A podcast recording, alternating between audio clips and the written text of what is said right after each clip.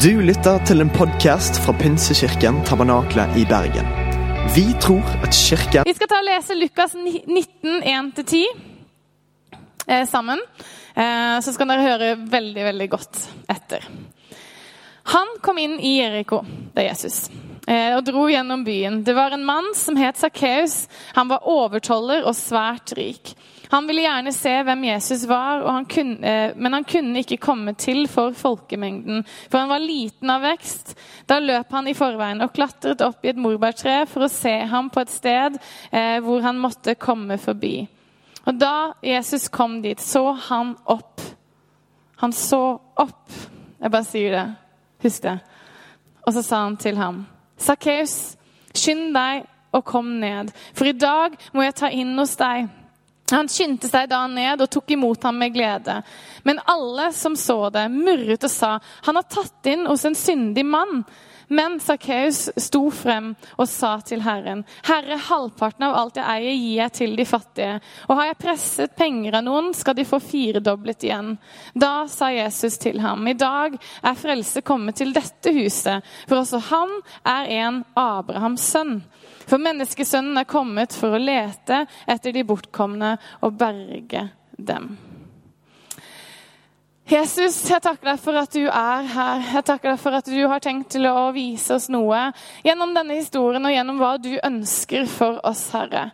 Jeg bare ber om at du skal hjelpe oss til å fokusere akkurat nå. Jeg ber om at du skal legge fra oss alle ting, alle tanker, alle ting som prøver å stjele vår oppmerksomhet og vårt fokus. Og hjelp oss til å være til stede her akkurat nå. Jeg synes jeg bare ber om at du skal vise oss noen ting, ikke fordi at jeg sier noen fine setninger, men Herre, fordi at du belyser noen ting i våre liv. Du viser oss noe av din storhet, og du gjør dette på en så personlig og fantastisk måte. Takk for at du ser på oss med dine gode øyne, og du sier vårt navn til oss fordi du kjenner oss, og du elsker oss og har en plan for oss. Bare ber om at du skal være med akkurat nå i Jesu navn. Amen. Hvem har fått kultursjokk her? Har du fått kultursjokk? Jeg holdt på å si, Kan du komme opp og dele om det? Men jeg skal ikke gjøre det. Det hadde vært kjempegøy å tatt en delekveld. Eh, men det skal jeg ikke gjøre. Det er noe med kultursjokk eh, som er eh, sjokkerende. Eh, og det er sånn at eh, Du på en måte skjønner ikke at du har eh, blitt utsatt for et kultursjokk før du plutselig står der og er utsatt for et kultursjokk. Skjønner du hva jeg mener? Mm. Når jeg flytta fra Tromsø til Skien, så var det et sykt kultursjokk som tiåring å oppleve at jeg forsto ikke alt. Når jeg sa f.eks. 'skal jeg være lam med deg', så betyr det 'skal jeg være sammen med deg'. Eh, men for meg å si 'skal jeg være sammen med deg', betydde jo faktisk skal, liksom, 'skal vi være sammen'? Eh, og det tenkte jeg, det passer seg ikke. Jeg er ti år. Eh, og det som er, er altså at det er noe med en kultur som på en måte bare ikke kan oppdages før du tas fra én kultur og settes inn i en annen kultur. Da skjønner du plutselig at du er utsatt for et kultursjokk. Skjønner dere det? Og det er noe med at når du, kommer tilbake, når du kommer tilbake fra en annen kultur og inn i en annen kultur Det er bare et eller annet med at da, da du virkelig skjønner hva en kultur er lagd opp av. Det er usagte ting, det er normer, det er på en måte regler. Det er ting du gjør og ikke gjør. Det er ting du sier og ikke sier. Og du må for all del ikke gjøre dette, men dette bør du gjøre. Og husk å gjøre dette, og ikke tenk på dette, og ikke si det, og ikke kle deg det. Og er det noen som kjenner seg litt igjen? Er det noen som har vært på utveksling? Er det noen som har reist til et land som er langt unna? ikke sant? Du skjønner det plutselig ikke før du bare ser blikka. At du gjør noe som ikke er riktig. Det oppdages, Kultursjokk oppdages i kontrast med noe annet. Og når jeg da flytter til Australia som 20-åring, så opplever jeg det. For det første så mister jeg på en måte humoren min. Jeg vet ikke om den noensinne har vært noe bra, men jeg mister på en måte humoren min, for alt jeg hadde eh, liksom, tulla med, var dialekter og liksom, norske ting. Og så kommer jeg ned til Australia og blir veldig stille, og folk tenker at jeg er sjenert. Og det er jo ganske vittig i seg selv. Og det tar meg lang tid før jeg klarer å catche kulturen, humoren, i det landet. En annen ting er det at eh, når jeg da kom til en butikk helt i begynnelsen, så ville, eh, ble du spurt sånn Hei, how are you? Og da betyr det ikke at du skal dele livet ditt med den personen. Men i Norge, hvis du spør hvordan har du det, så bryr du deg jo. ikke sant? Men det gjør det ikke der. Der er det helt overfladiske. Der betyr det sånn, Så jeg begynte å legge ut. og begynte å fortelle. ikke sant? Men sånn, Nei, du, det har vært en god dag, og jeg har gjort dette og dette og dette. Og jeg vurderte å begynne å gå inn på litt sånn dypere ting, men jeg tenkte det skulle være, og bare så at blikket bare Hva er det du driver med? Jeg bare sa hei. Eh, det er ganske flaut, egentlig. En annen ting var Jeg var eh, i en, vi, et ungdomsarbeid. og vi skulle ha en sånn frokost sammen. Så jeg tenkte Alle skulle ta med noe. Så jeg tenkte jeg skal ta med det beste jeg vet. Og da vet dere som var her når jeg prekte for noen uker siden et par måneder siden, det begynner å bli en stund siden, hva jeg elsker. Jo, brød. Så jeg står opp tidlig, jeg baker et brød. Jeg legger liksom hjertet mitt ned i dette ferske brødet. Og jeg tenker jeg skal ta med det beste jeg har til denne frokosten kommer inn døra, pakker liksom fint inn også. For jeg tenker sånn Skal jeg gjøre det, vet du? Så da kommer jeg inn der, og så gir jeg det til en av lederne, og så sier jeg sånn Her, liksom, jeg har bakt brød. Og så sier hun til meg Å, hva skal jeg med det? Uh, det er egentlig veldig frekt sånn kulturmessig, da, hvis vi skal snakke om det. Men det er en annen sak. Så sier jeg sånn uh, Vi spiser det.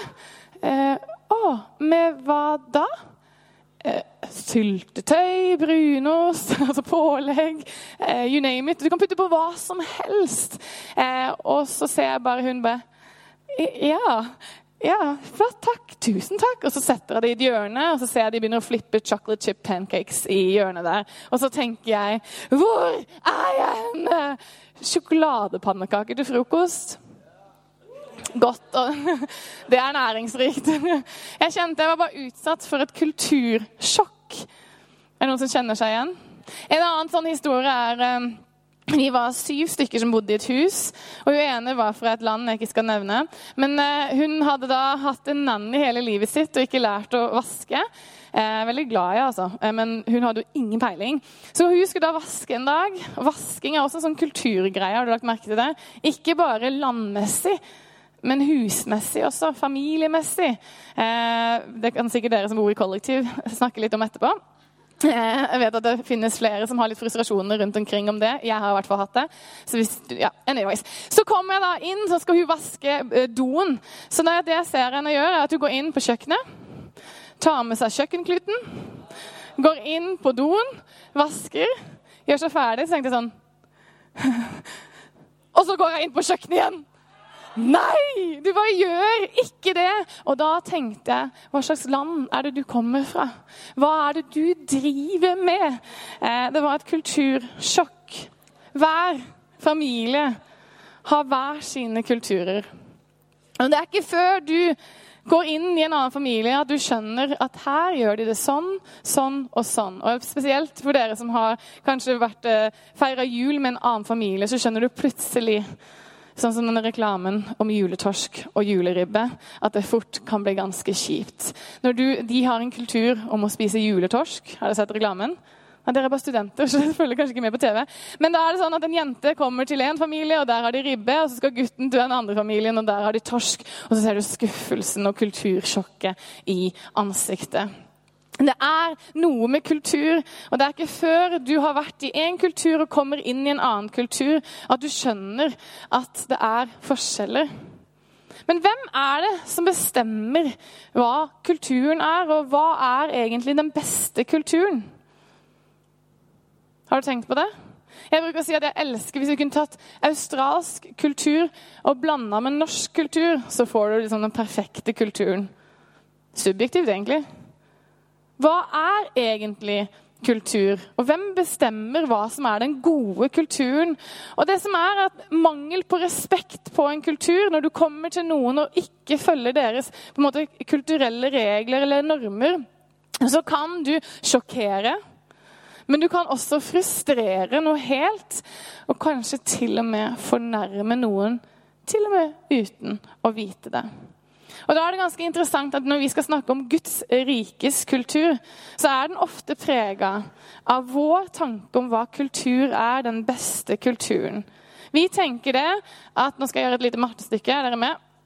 Jeg er veldig god på matte. Ok. Eh, vår kultur Da skriver jeg vår K. Pluss litt Jesus. Litt J er lik awesome.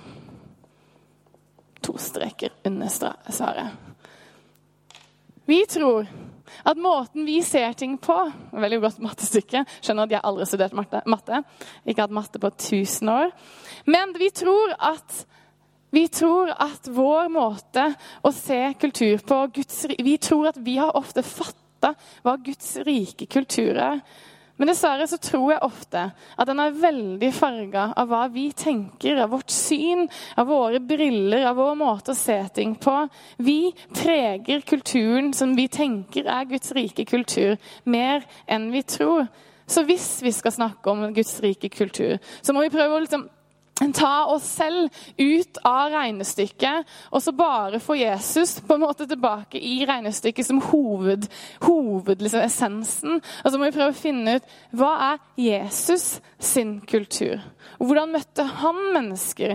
Hva er det han brakte inn på banen? Hva er det han vil at vi skal gjøre? Hvordan vil han at vi skal være i, den, i hverdagen vår, i det livet vi lever?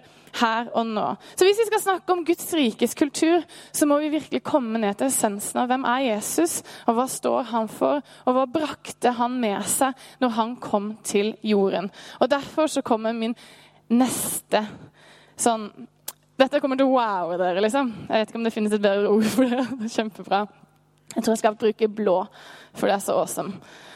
Dette er et teologisk konsept, så for dere som ikke liker teologi Synd. OK. Nei, ikke den. Vær så god. Sånn. ikke sant? Én strek her. Og så én strek her. Dette er en formel, da. Ja. Skal vi se Sånn. Sånn. Sånn. Ja, det er bare begynnelsen, da. Dette er begynnelsen, hvis dere lurte. Er det ikke sånn at Nei, det kan vi ta en annen gang. Her, eh, her kommer Jesus.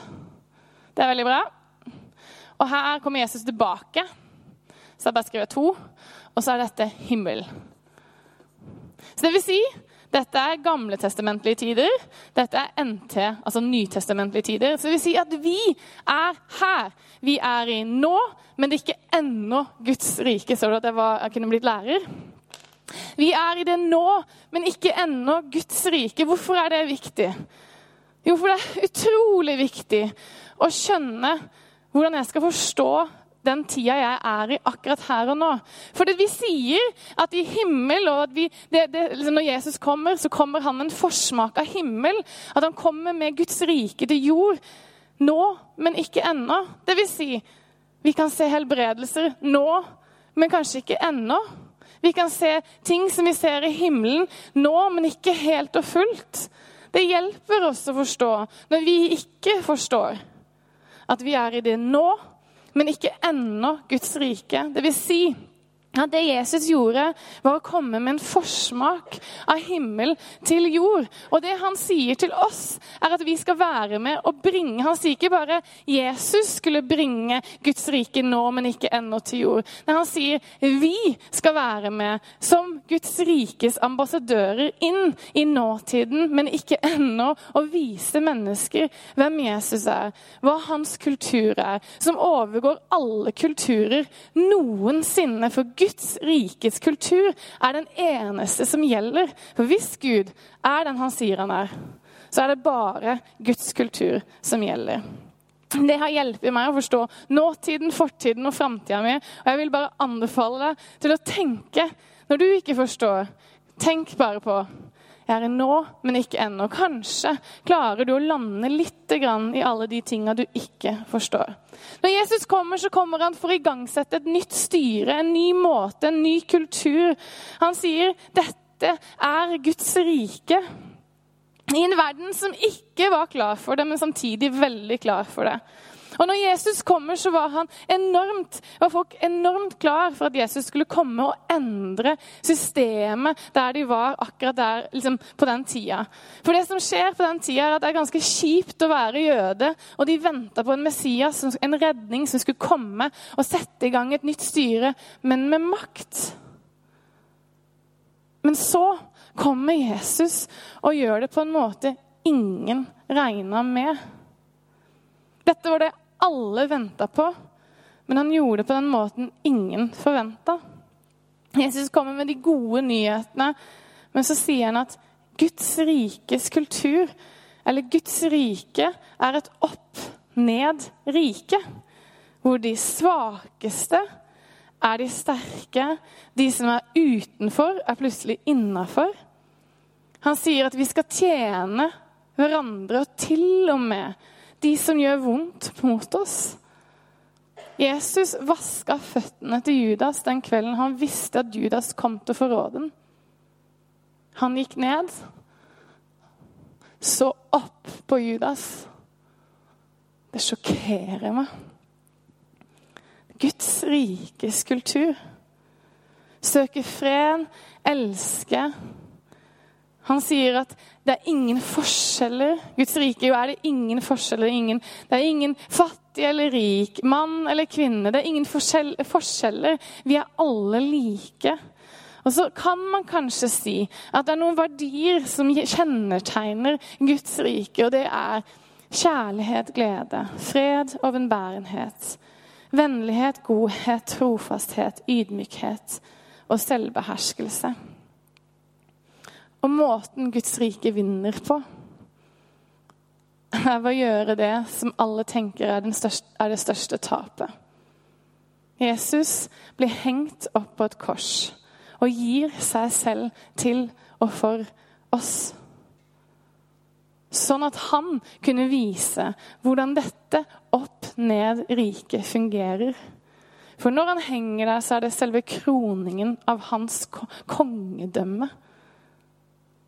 Det er sjokkerende, det er frustrerende for noen, og det er litt ironisk at en mann naken på et kors er det som kjennetegner Guds rike nå, men ikke ennå. Det viser en som valgte å gi seg selv for oss. Guds rike handler om det. Ekte, ubetinga kjærlighet. Det er de gode nyhetene vi har å komme med og så skjer det. Det kule er jo at Jesus dør jo ikke på et kors, og det er det. For da er det ganske kjipt at vi bruker tid her. For det er mange som har dødd gjennom tidene. Mange som har dødd. Men forskjellen på Jesus som en død mann og en som har stått opp igjen, er at det er Jesus Kristus, Guds sønn. Han vinner over dødens makt og viser seg selv som den som burde og skal være den som leder oss framover inn mot himmelen, og som skal gå sammen med oss. Det Jesus gjør, er at han viser en maktdemonstrasjon på en helt annen måte enn noen andre noensinne har gjort. Og den dagen Jesus står opp fra de døde, hva gjør han da? Jo, han har en genial plan. Han sier til noen damer gå og del de nyhetene med resten av gjengen. Og du tenker sånn, ja, det er jo flott, de snakker jo mye. Nei, nei, du må skjønne det. At damer var ikke regna med. Deres vitnesbyrd var ikke godkjent. Hva er det Jesus gjør? I Guds rike er det de som ingen regner med, som jeg faktisk velger å bruke. Og For meg er det et utrolig godt, en god nyhet, for det betyr at når jeg ikke føler meg bra nok, så vet jeg at Guds rike så velger han å bruke de som kanskje ikke alle ser på som de man skulle bruke. Og Da kan jeg få lov til å senke skuldrene, for da handler det mer om hvem Gud er og hva han gjør, enn hvem jeg er og hva jeg kan gjøre. I Guds rike, opp ned riket, så er alt snudd på hodet, og vi kan få lov til å lene oss inn mot ham. Og det er fantastisk. Det er som et sennepsfrø. Jesus snakker om at Guds rike er noe lite, noe som ser ubetydelig ut men som begynner som et lite frø. Og så vokser det, og så blir det et stort, stort tre. Og fra de siste 2000 åra har vi sett, at flere og flere har kommet til tro.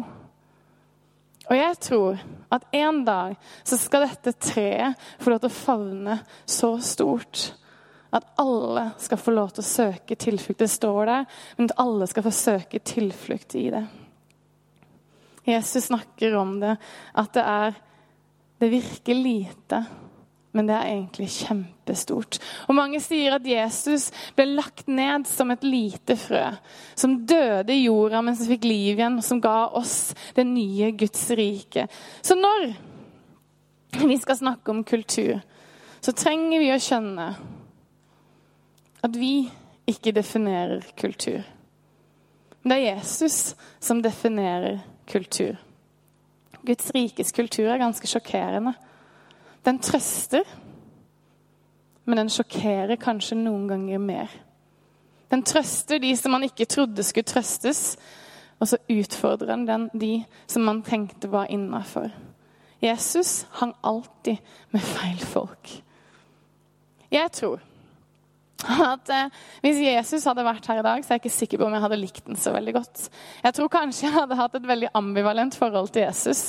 Vi tenker ofte at Jesus er en sånn superfin fyr. Bare, ah, yeah, Jesus. Jeg tror, med mine sånn eh, tight schedules og ting, jeg liker å ha ting på stell, så tror jeg egentlig Jesus hadde brytet med alle reglene mine, alle planene mine. Jeg hadde lagt opp, vært en god assistent, jeg hadde lagt opp en plan for han, men han hadde aldri fulgt den. For han hadde hengt med noen andre og stikket av. Altså, Jesus hadde vært så frustrerende. Skjønner du det? Jeg bare sånn, 'Nå skal vi be.' Nei, jeg skal bort hit. Ja. Altså, Hvis du begynner å lese Bibelen, så ser du faktisk at Jesus gjør bare alle de tingene han ikke skal gjøre. Kjempefrustrerende. Guds rikes kultur er å se de som ikke alltid blir sett, og løfte opp de som kanskje ikke på en måte burde bli løfta opp. Jesus er litt sånn sjokkerende. Og midt i det her så ser vi den historien som vi leste i begynnelsen om Sakkeus. Scenen er det at Jesus kommer inn, han har, har helbreda en blind tigger. En som var et utskudd som ingen regna med. og Ryktene begynte å gå innover til byen. og Ryktet om Jesus hadde nok kommet såpass langt inn. at denne, denne fyren, han, han, han, brukte tid på en fyr som ikke man skal bruke tid på. Han, gjorde, altså han gjør alt feil, men det er noe med denne fyren her. Og jeg lurer på når Sakkeus har hørt ryktene Hvis Jesus stopper og møter en blind tigger, en som, sett, som blir sett ned på, som ikke blir sett på som verdifull Kanskje han ville møtt meg? Nei, nei. Jeg har for mye å gjøre. Jeg har for mye å gjøre. Jeg må, jeg må få, få, inn de pengene. Og toll, og det er toll, og det er skatter. Og keiseren han vil ha mer penger, så jeg må ta mer penger nå. Jeg tror egentlig at Sakkeus, hvis jeg skal lette hvordan han tenker, ville tenkt at sånn Nei, vet du hva, det, jeg får ikke tid, og folk liker meg jo ikke så godt. Så det er jo, det er jo ikke noe vits å prøve å presse seg. Det er jo veldig mange folk som flokker seg rundt Jesus. Jeg tror bare jeg lar det være.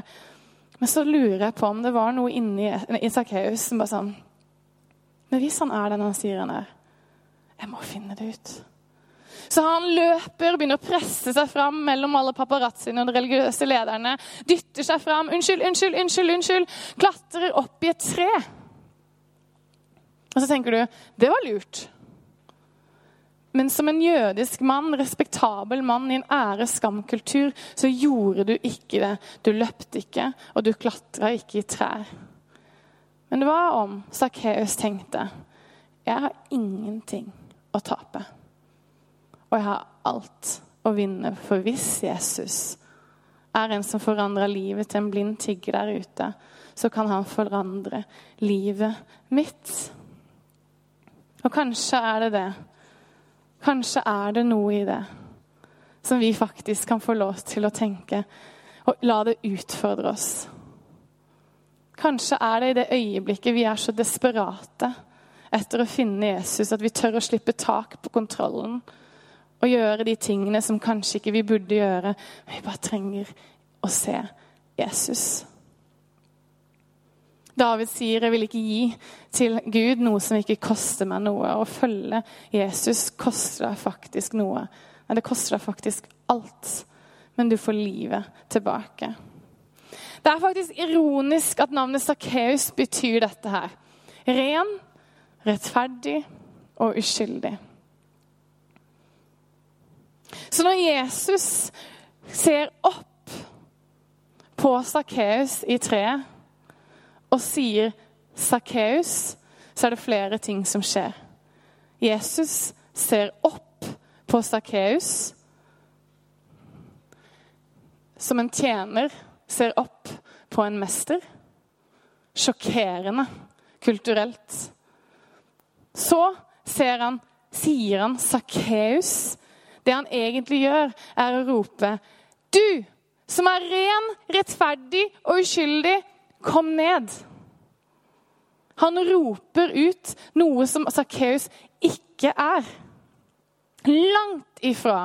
Og kan du tenke deg gjengen rundt den som har blitt stjålet, altså tatt, fratatt masse penger, for han har krevd inn masse skatt og har vært skikkelig kjip og han er hata. Kan du se for deg hvor irritert folk er? Du, Jesus, du kjenner ikke Sakkeus. Den fyren der, han skal du ikke ha noe med.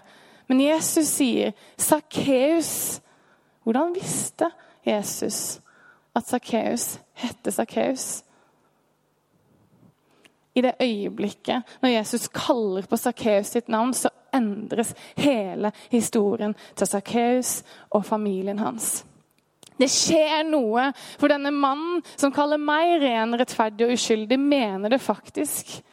Og det skjer noe i det øyeblikket hvor Jesus forandrer, Jesus forandrer livet til Sakkeus. Og Sakkeus tar med seg Jesus hjem. De spiser sammen, deler måltid sammen, de deler liv sammen. Og livet er endra. Livet til Sakkeus endres. Og det som var på den tida, var ikke at det bare var Sakkeus sitt liv som ble endra. Men de rundt den ble også endra. Og de menneskene som ble sjokkert, ble kanskje også endra. Jesus snakker med ham. Guds rikes kultur sjokkerer, fornærmer, men den trøster også. Men Guds rikes kultur er helt annerledes enn vår. Så hva skjer egentlig? Jo, Jesus roper ut hans framtid, profeterer. Først kommer han med et kunnskapsord om noe som han egentlig på en måte sier av Jesus, så vet han det, men ikke hadde noen noe grunn til å vite. Og så profeterer han hans framtid. Du som skal få lov til å bli igjen ren, rettferdig og uskyldig. Og hva skjer? Jo, resultatet er det at, at eh, Sakkeus sier, vet du hva?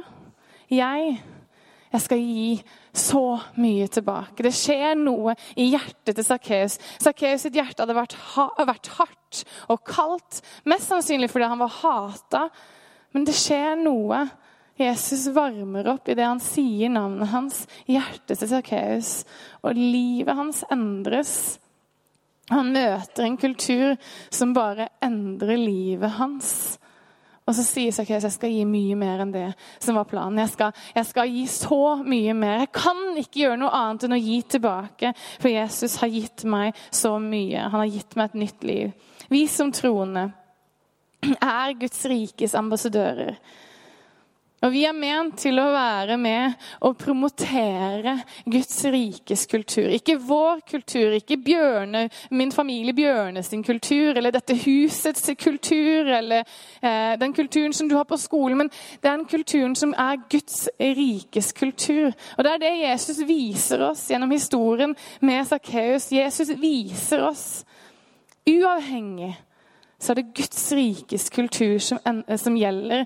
Og det som er her nå, men ikke ennå, skal peke på en dag når vi sitter ansikt til ansikt med Jesus, og vi forstår fullt og helt og ser en gang for alle hvordan ting egentlig var ment til.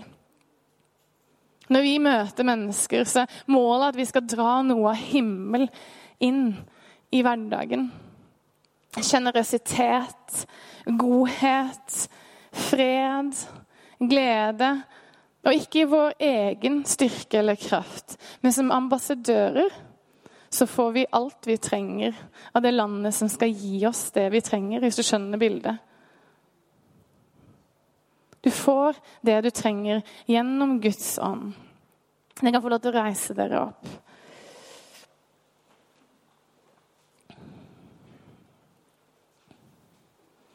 Guds rikes kultur er grensesprengende og normbrytende. Det er sjokkerende, og det er helt fantastisk.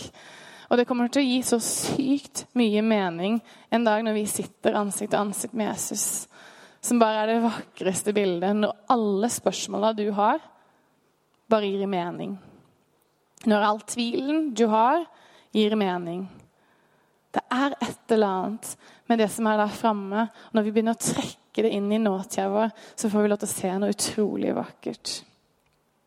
Når vi sier ja til Jesus, så sier vi faktisk ja til et nytt land.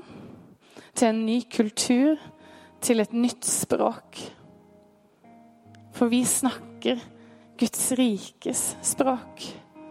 Som er oppmuntrende, som er full av godhet, som er full av fred. For vi er bærere av Guds rikes kultur, og vi er ment til å bringe himmel til jord. Hvis du er her og tenker flott med dette Guds rike, men jeg, jeg kjenner jo egentlig ikke Jesus, så flott at Jesus snakka med Sakkeus, men han har ikke snakka med meg. Så håper jeg at i et øyeblikk nå så skal du få lov til å se at Jesus han, han går ned på knærne sine, og så ser han opp på deg. Ikke fordi at du fortjener det, ikke fordi at du har gjort alt riktig, men fordi han ser framtida di, og han ser hva du egentlig er. Og han ser din egentlige identitet.